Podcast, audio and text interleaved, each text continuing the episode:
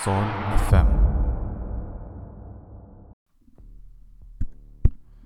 Taigi sugrįžtam, sugrįžtam, sugrįžtam, atsiprašau, į Sol FM. Labas vakaras visiems, čia jau antroji laidos dalis, pramoginės laidos dalis.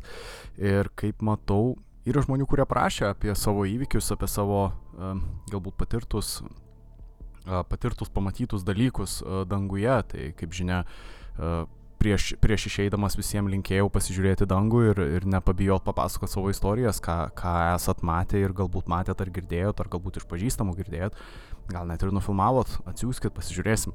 Bet a, vienas iš klausytojų parašė, kad a, kažkada klaipėdoj sustojo uoste parūkyt, a, tiesiog žiūrėjo į dangų ir staiga a, žvaigždė nulėkė į šoną, galimai pasivaidavo. Vėlgi, nežinau, nebuvau kartu su šio klausytoju, bet dėkoju už pačią istoriją ir uh, vėlgi tokie dalykai dažnai, dažnai pasitaiko. Iš esmės ir aš esu matęs tokią žvaigždę, e, na, tokią krentančią, sakykime, žvaigždę. E, tai tikėtina, kad galbūt nepasivaideno, čia toks e, dažnas galbūt reiškinys klausyto, nenoriu aš čia kaip nors sumenkinti pačios istorijos ir panašiai.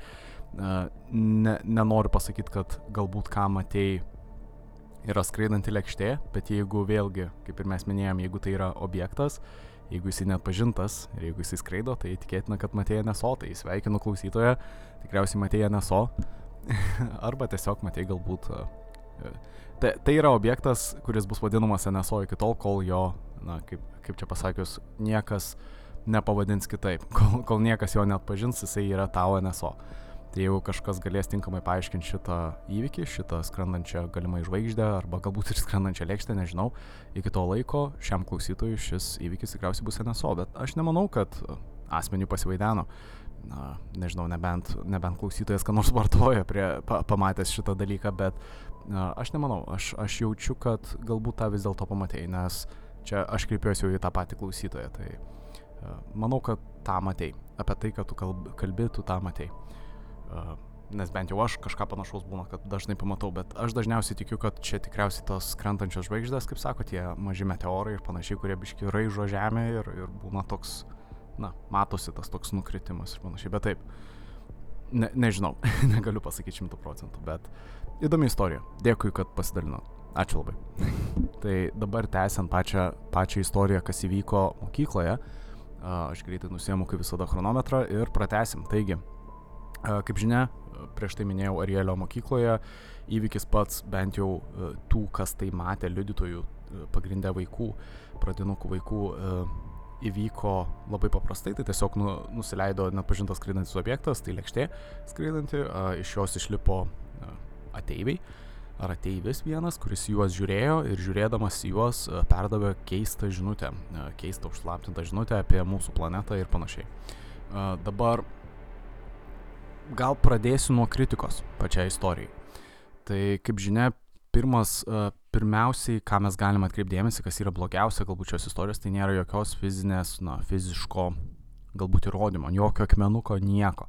Sakykime, kas galėtų įrodyti, kad kažkas, kažkas apskritai nusileido toje vietovėje, nes bent jau kaip vaikai aiškina, tai pats objektas nusileido visai netoli mokyklos, aikšteliai vos ne, pačioje žaidimų aikšteliai galima sakyti, jisai jį galėjo pamatyti visi, visi pasižiūrėjo pro mokyklos langą ir visi būdami laukia. Kaip žinia, daugiau negu 50 liudytojų buvo, tai visi tie liudytojai yra vaikai, kas yra dar viena bėda, viena blogybė. Kodėl aš tą sakau? Nežinau, ar jūs turit savo vaikų, ar esat kalbėję su vaikais, nežinau, gal pats būdamas vaikas tą darydavot, bet vaikai dažnai meluoja, vaikai labai mėgsta fantazuoti ir čia nėra kažkas keisto, čia nėra kažkas blogo galbūt, bet tiesiog vaikai turi labai didžiulę, na, didelę ir lakę fantaziją. Apskritai, kaip žinia, vaikui kažką gali net įtikinti, kad jis kažką matė. Čia net nėra, net nėra melagystė, ką aš bandau sakyti, čia yra toks, na, kaip ir paprastas, na, psichologinis fenomenas, gal net sakykim, kad vaikai, kai jie yra maži, jie mėgsta, mėgsta įvairias istorijas, jie mėgsta vis, vis lavinti savo vaizduotę ir panašiai. Ir, ir čia nėra kažkokia paslaptis ar mistika ir panašiai, čia tiesiog, čia tiesiog faktas realiai tu gali įtikinti vaiką, kad jis galbūt kažką tamsoj keisto mato netgi. Ir tas vaikas vėliau galės papasakoti kokią nors istoriją, kad jis iš ties matė ten kažką, kokį nors vaiduoklį ir panašiai. Ir jis kažką matė? Ne, tikriausiai ne. Bet jisai tą papasako dėl to, kad tu tam vaikui davai tokį dėmesį ir davai tą tokį suvokimą, kad galbūt jisai kažką matė. Todėl čia ta viena iš problemų yra būtent, kad nors mes ir šioje istorijoje turim daug liudytojų, tačiau visi tie liudytojai yra vaikai. Kaip žinia, nei vienas iš mokytojų neatsistojo ir nepasakė, kad bent jau jisai ar jie matė kažką, nei vienas iš mokytojų nematė nieko mokyklai. Kai kurie mokiniai vėlgi, ne visi mokiniai matė ateivius ir skraidančias lėkštes, kai kurie mokiniai nieko nematė. Vienas iš mokinių, kaip pavyzdys, iš vis sakė, kad jisai išsigalvojo šitą dalyką, kad jisai išsigalvojo šitą dalyką ir jisai, na, kaip čia pasakius, jisai pasižiūrėjo į vieną, į vieną toli, to, toliau esantį akmenuką, jisai akmenį, ta prasme, kuris daug labai stipriai žibsėjo, galima sakyti, jisai labai atsispindėjo nuo saulės. Ir jisai pasakė, žiūrėkit, čia yra ateiviai ir kažkas panašaus. Ir kiti vaikai pažvelgė, pradėjo juo tikėti ir, ir pradėjo šūkalioti ir kilo tas visas chaosas ir panašiai. Ir, ir dėl to nuo viso to ir prasidėjo. Tai čia irgi viena iš, iš įvykio versijų. Tai kaip matyti, kol kas viskas atrodo na, negerai. Atrodo, kaip čia nieko kaip ir realiai neįvyko, nieko keisto neįvyko ir kad tikėtina, kad visi čia melavo, visi vaikai išsigalvojo šitais istorijos ir panašiai. Kaip ir priminiau, viskas įvyko 94 metais, tai visi šie vaikai jau yra kaip ir suaugę žmonės, jau praėjo daugiau negu 20 metų, jau, jau beveik 30 metų praėjo. Ir, ir, šie, ir šie vaikai jau nebėra vaikai, jie jau turi darbus, turi karjeras ir uh, Kai kurie iš jų vis dar liudija tą patį, kai kurie jie pakviesti vis dar pasakojo, kad jie matė iš ties tos dalykus. Uh, ir tas ir yra keista dabar, bent jau pasakius, tai jeigu mes įsivaizduojam, kad, na, jie meluoja, mes uh, pradedam, na, ba bandom darom tą išvadą, kad, na, vis tiek kada nors tas žmogus tiesiog prisipažins, kad, okei, okay, aš buvau vaikas, aš buvau jaunas, aš tiesiog išsigalvojau visas šitas istorijas, čia yra melagystė. Bet jie niekada to nepadarė, o tas ir yra keista ir man, man nuo to pradėjo darytis, na, o jeigu jie kažką matė. Tai kokius mes įrodymus realiai turim, tai šiuo atveju, kaip ir priminiau, mes turim tik tų vaikų parodymus, vaikų liudijimus ir turim jų piešinius. Uh, dabar vėlgi čia yra dar viena problema. Bent jau žiūrint į kiekvieną iš tų piešinių, tai kiekvienas iš jų, na, nu, nupiešia kokį nors objektą arba objektus. Uh, Tai dabar patys liudymai mokinių, tai jie išsiskiria vienas nuo kito, jie nėra tapatus, jie, jie pasirodo vaikai matė vis kažką skirtingo. Tai vieni vaikai matė ateivius su plaukais, kaip pavyzdys, jie buvo su plaukais, kiti matė tuos įprastus ateivius be plaukų, sakykime, didelės galvos, pliki, be plaukų apskritai ir su didelėm akim. Kiti matė plaukus, kiti matė vos ne kaip disko kostiumą apsirengusi, ta prasme su tokiom kaip švieselėm, kažko panašiau, kiti matė tiesiog juodą kostiumą, aptemtą kostiumą. Vieni matė kelis ateivius, kiti matė vieną. Vieni matė kelias lėkštės, kiti matė vieną. Kaip, žinia, suprantat, tie liudymai nėra tapatus, bet aš sakyčiau, tai nereiškia, kad, re, ka, kad jie visi meluoja. Galbūt tai reiškia, kad jie visi kažką matė, tie, tie liudytojai tiesiog, tiesiog ne visi orientavosi ir pamatė tiek pat, kiek kiti matė. Tai kaip pavyzdys, mes jau kalbėjom apie, na, Kenedžio žmogžudystę, ar ne? Uh, mes kalbėjom čia nais apie visas tas samokslo teorijas ir panašiai, bet mes pastebėjom tą dalyką, kad žmogaus atmintis ir apskritai žmogaus liudymai yra vienas praščiausių įrankių, kai mes bandom kažką išsiaiškinti, na, kas įvyko. Taip mes galim panaudoti asmens liudymą, kad, na, pagrysti kokį nors faktą, na, galim naudoti kaip įrodymą, žmogaus liudymą, žmogaus atmintį galim naudoti kaip įrodymą, bet tai nėra labai svarus galbūt argumentas, mums reikia kažkokios papildomos informacijos, kuri galėtų pridėti prie tos istorijos. Tai kaip žinia, žmonių atmintis yra labai trapi. E, stresinėse situacijose mūsų atmintis tiesiog realiai išnyksta. Kaip pavyzdys, nežinau, jūs einat mišku, jūs užpuola, jūs užpuola koks nors, nežinau, vilkas kaip pavyzdys. Tikėtina, kad jūs pamirštumėt, pa, pa, pamirštumėt net uh, iš kurios pusės ėjot, uh, ta prasme, kaip sugrįžti namo ir panašiai, jūs viską pamirštumėt, jūs tiesiog bėgtumėt. Nežinau, jūs kovotumėt galbūt prieš tą vilką arba bėgtumėt. Na, esmė tame, kad tokiuose situacijose įsijungia mūsų, na, jau tie prigimtiniai galbūt instinktai ir realiai mes, na, viską pamirštam. Na, paprasčiausiai mes atsimenam tam tikras detalės, bet jos labai labai būna apribotos, labai tokios siauros realiai viską mes matom pro tą tokią siaurą, siau, labai siaurą terpę. Tai ką aš noriu tom pasakyti, kad aš, aš manau, kad galbūt tie vaikai kažką matė, tiesiog jų, jų tie liudymai išsiskiria, išsiskiria tuom, kiek jo matė tuo siaurumu. Kadangi, kaip žinia, kai kurie vaikai buvo labai stresuoti viso to, ką jie pamatė, prasme, jie buvo labai išsigandę ir tikėtina, kad jie pamatė tai kažką labai baisaus, galbūt labai gazdinančio, traumuojančio ir dėl to jie tiesiog negalėjo visko prisiminti. Jie tiesiog prisiminė tas, tos esminės detalės, kad jie matė NSO, Jie matė kažkokią lėkštę, kuri nutupė ir jie matė ateivius. Prasme, ar ateivį vieną, kuris lygiai taip pat žiūrėjo juos, į tuos vaikus. Uh, tai vėlgi, ar, ar mes galim tikėti tais vaikais, ar tai, ką jie matė, nežinau. Bet šią istoriją prisideda dabar vienas uh, žymusis mokslininkas, mūsų uh, anksčiau minėtas psichiatras uh, Džonas Mekas. Uh, ką jisai padarė, jisai pasielgė šiek tiek kitaip. Jisai nusprendė neišjuokti mokinių, jisai nusprendė juos, na, padaryti interviu su jais.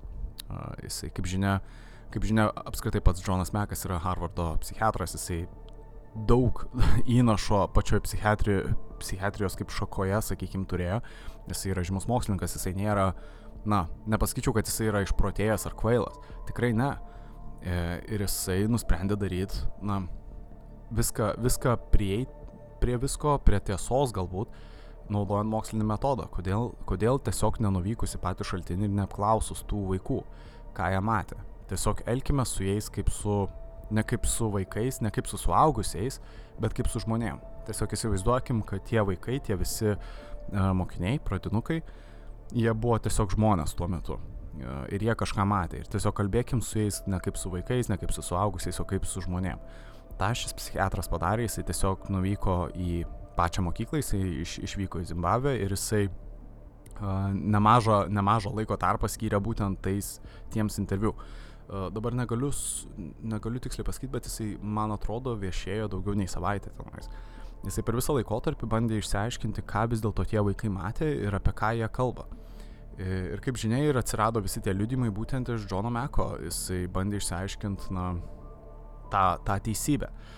Uh, Džono Meko bent jau teigimu, pačio psichiatro teigimu, jisai, jisai yra įsitikinęs, bent jau jo jau dabar jau nebėra, bet jisai iki pat savo na, gyvenimo pabaigos buvo įsitikinęs, kad vaikai kažką matė, jie turėjo kažką matyti ir tai, ką jie matė, nebuvo, na, galbūt nebuvo iš šio pasaulio. Čia, čia tas turime omeny, nes ką bandė padaryti pats psichiatras, jisai bandė įvertinti tai, ar tie vaikai, ar jie, į, ar jie turi kokiu nors požymiu, na, priskirtų galbūt protiniai negaliai, ar kaip nors, ar jie, ar jie na, serga gal kokią nors depresiją, kaip pavyzdys, ar psichozę, na, ar panašiai. Ir jis nepastebėjo nei vieno iš šio požymių, nei viename iš mokinių, tačiau jis pastebėjo traumos požymių. Jis pastebėjo, kad visi vaikai, visi vaikai, kurie uh, liudijo, kad jie kažką matė, uh, tie vaikai buvo išties, na, jie nemelavo, jie atrodė lyg jie po kažkokios, na, kaip ir stresinės situacijos, lyg ir atėjo. Uh, Prasme, lyg tik kažkas atsitiko baisaus jiem ir jie dabar pasako apie tai, kas jiem atsitiko. Tai aš tą ir turiu menį apie tą visą, na, dingusią atmintį ir tai, kad neįmanoma tiksliai viską paliudyti. Galbūt jie iš tiesų viską matė ir jie buvo išsigandę. Tai čia kaip ir pavyzdys su tuo mišku, ar ne, jūs užpuola vilkas, jūs galite prisiminti, kad jūs buvot miškė ir jūs užpuolė vilkas, bet uh, į kurią pusę bėgot, kiek laiko bėgot, ar, ar vil, tu prasme, kokiu greičiu vilkas jūs vyjosi, ar, ar iš vis vyjosi, ar buvo gal keli vilkai, ar vienas, ar du, jūs to neprisiminsit, jūs, jūs pradėsit, na, jūsų atmintis tiesiog šlubos tais, tais, tomis vietomis. Detalių niekas neatsimena stresinėse situacijose, bet tam tikrus faktus, tuos esminius faktus, kurie sukėlė traumą, žmonės prisimena. Ir, ir šiuo atveju bent jau Džonas Mekas darė tą išvadą, kad e, tie vaikai, tie pradinukai, jie buvo straumuoti. E, Arielio mokykla, kaip žinia, buvo privati mokykla, jinai nebuvo mokykla, kurioje na, viešėjo mokiniai, kurie tyčiojosi vienas iš kito ir panašiai. Čia buvo na, gan, gan privilegijuota, gal sakykime, mokykloje viešėjo gan protingi mokiniai, protingi mokytojai. Ir, ir vėlgi pati, pati mokykla turėjo gan gražią atmosferą. Ta prasme, pati mokykla negalėjo tiem mokiniam įvaryti tiek daug streso, kiek įvarė būtent tą dieną toj mokykloje. Tai buvo darytina išvada, kad tikėtina, kad tie 50 plus, virš 50 mokinių, jie kažką vis dėlto matė. Išskyrus galbūt tą mokinį, kuris sąjo, kad tai buvo spindintis akmuo. Kaip pavyzdys. Dabar oficiali istorija, ką, ką bando pasakyti, prasme, kas įvyko ir ką tikėtina, kad mokiniai matė, tai yra sodininkas, paprasčiausiai sodininkas. Bent jau, mokin... bent jau mokytojai išgirdę šitą visą istoriją, jie pabandė išsiaiškinti, kas atsitiko ir jiem buvo pranešta, kad tuo momentu, tuo momentu viešėjo sodininkas ir sodininkas turėjo kažkokį brezentą ar kažkas panašaus su savimi, jisai nešėsi jį. Ir tas brezentas kaip ir gerai atspindi, kaip suprantama, atspindi, atspindi saulę, saulės šviesą. Ir tas brezentas labai spindėjo.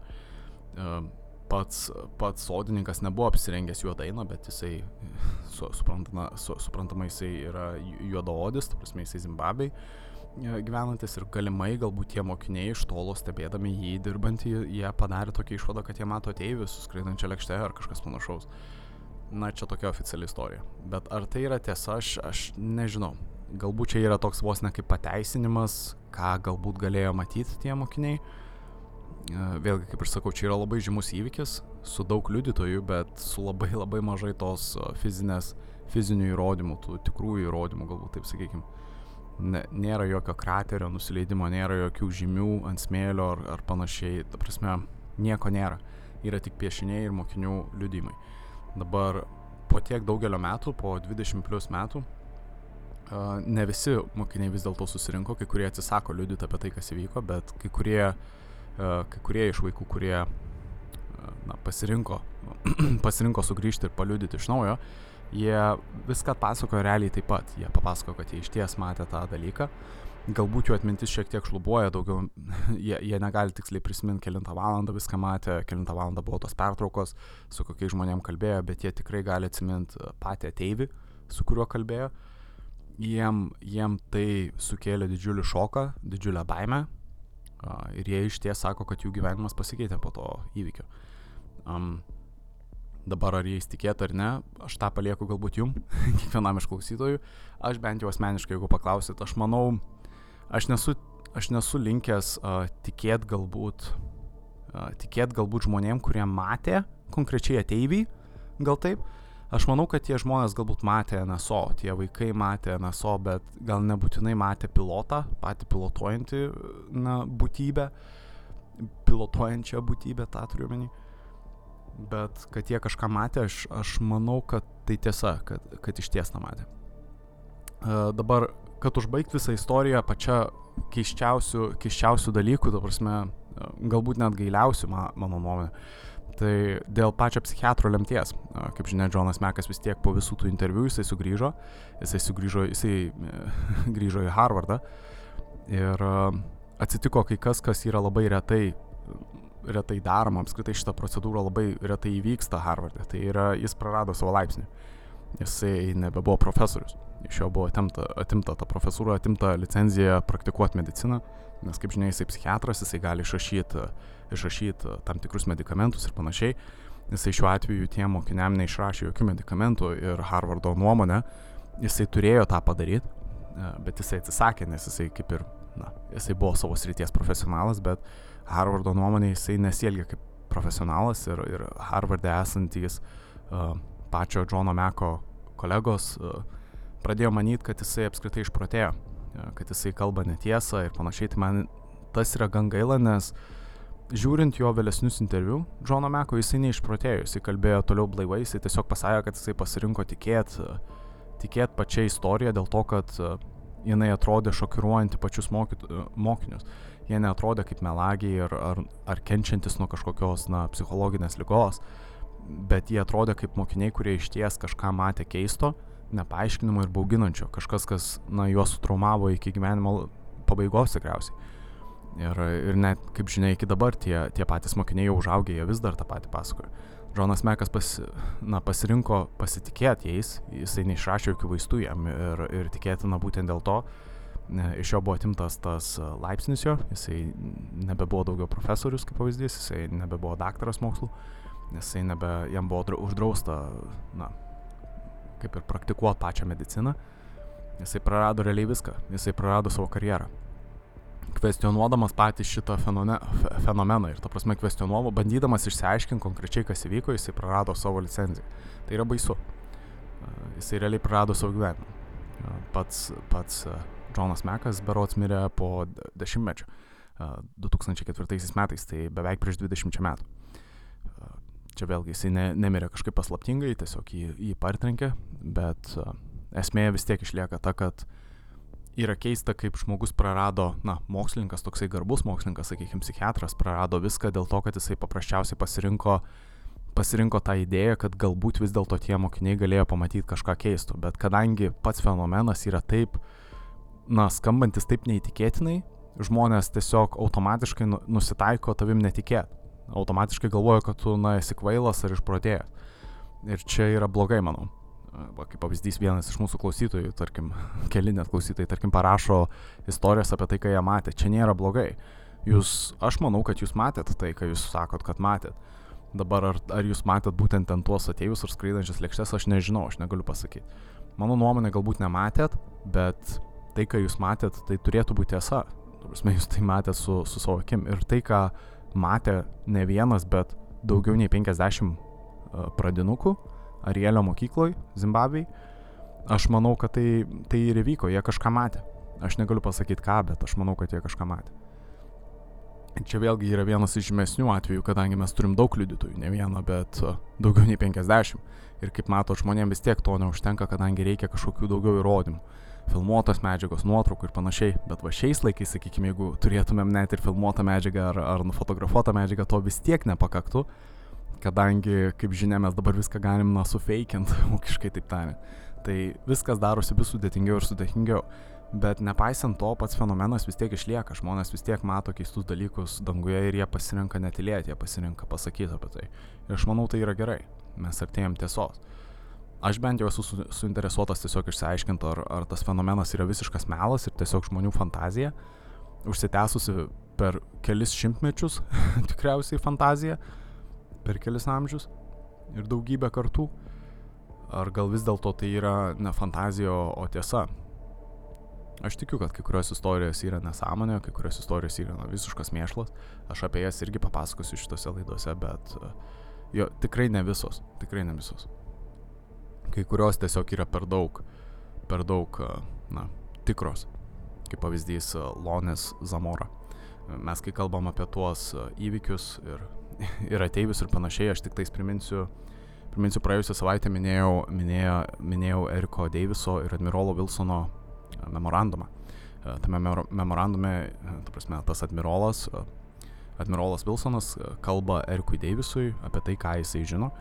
Ir admirolas pasirinko jam papasakoti apie tai, kad, na, skraidančios lėkštės yra tiesa, jos iš ties nukrenta. Sakykime, tam tikrose vietovėse pasaulyje ir, ir daugybė valstybių pasaulio yra susijungusios, ta prasme, su, susirėmusios resursais tam, kad galėtų surinkti visas tas lėkštes ir bandyti jas, bandyti jas atkartoti, ta prasme, tą atvirkštinę inžineriją panaudoti ir jie su, sukurti technologiškai paža, kažkokius pažangius laivus, kurie, kurie galėtų skraidyti taip, kaip tos skraidančios lėkštės. Tai admirolas tą pasakoja, bet tam pačiam memorandume jisai užsimena, kad pagrobimai, ateivių pagrobimai yra netiesa. Tai kad skraidančios lėkštės yra tiesa, skraidančių lėkščių nukritimai irgi yra tiesa ir, ir jų susirinkimai, surinkimai ir perinkinėjimai, ir bandymai, ir testavimai ir panašiai irgi yra tiesa.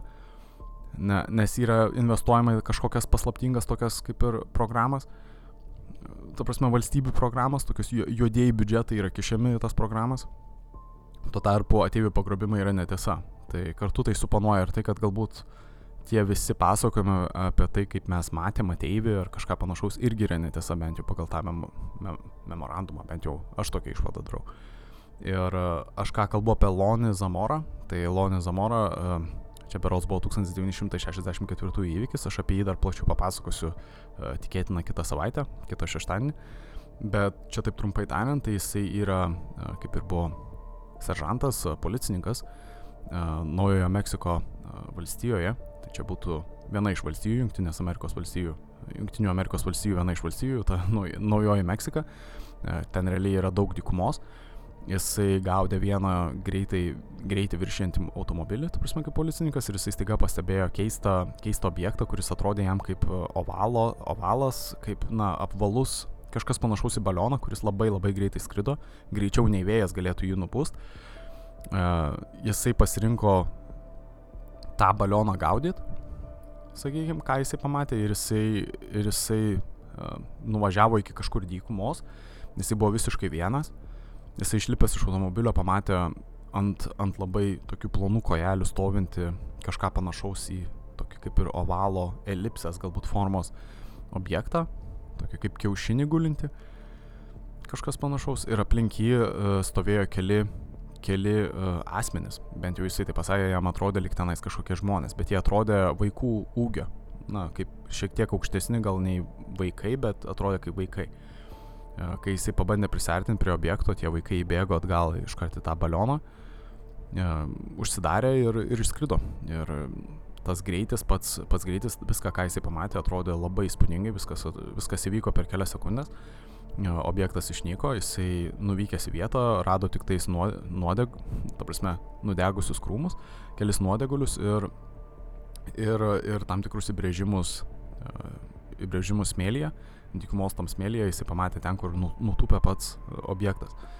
Dabar dalykas, kas iškilo, tai aišku, kritikai mėgsta sakyti, kad, ai, jisai buvo vienas, jisai vienintelis tą matė, tai čia yra nesąmonė. O kaip kiti policininkai, ta prasme, ką kiti policininkai matė. Tai vienas iš kolegų uh, policininkų, jisai, jisai girdėjo tik tais viską, ką pasakojo pats Zamora, pats Lonis Zamora jam pasakojo operaciją. Tai vienas iš jo kolegų, ta prasme, gavo, gavo pranešimą iš Zamoros, kad jisai pastebėjo kažkokį balioną. Ir jisai paklausė kolegos, ar jisai nemato to paties pro savo langą, nes kolega buvo ne per toliausiai nuo pačios vietovės. Jisai pasižiūrėjęs nieko nepamatė. Zamora jam pranešė, kad jisai vysis tą balioną ir kad bandys jį pagauti, prasme, na, pasižiūrėti, kas tenais per dalykas. Ir po kiek laiko, ta prasme, Zamora paprašė, kad atvyktų kolega, pasižiūrėti, kolega atvykęs pamatė tuos pačius nuodegulius ir, na, tas žymės.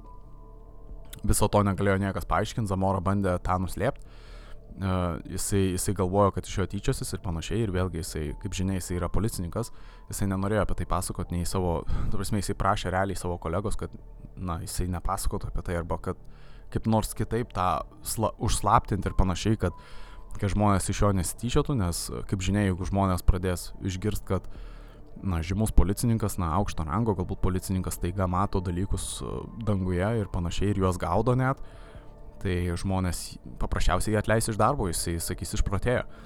Tai Zamora nelabai norėjo apie tai pasakoti niekam, jisai, jisai slėpė tą istoriją, jisai pats, na, jau buvo, buvo netoli pensijos, jisai nenorėjo susigadinti savo karjeros visiškai, bet, na, jisai pasirinko pas, papasakoti apie šitą istoriją. Ir kaip žinia, va, šita istorija vėlgi yra gan kritinė, jinai įkliuvo į tą Melinosios knygos, uh, Melinosios knygos projektą, Tai yra vienas iš, iš atvejų Melinojo knygoje, jisai yra aptariamas.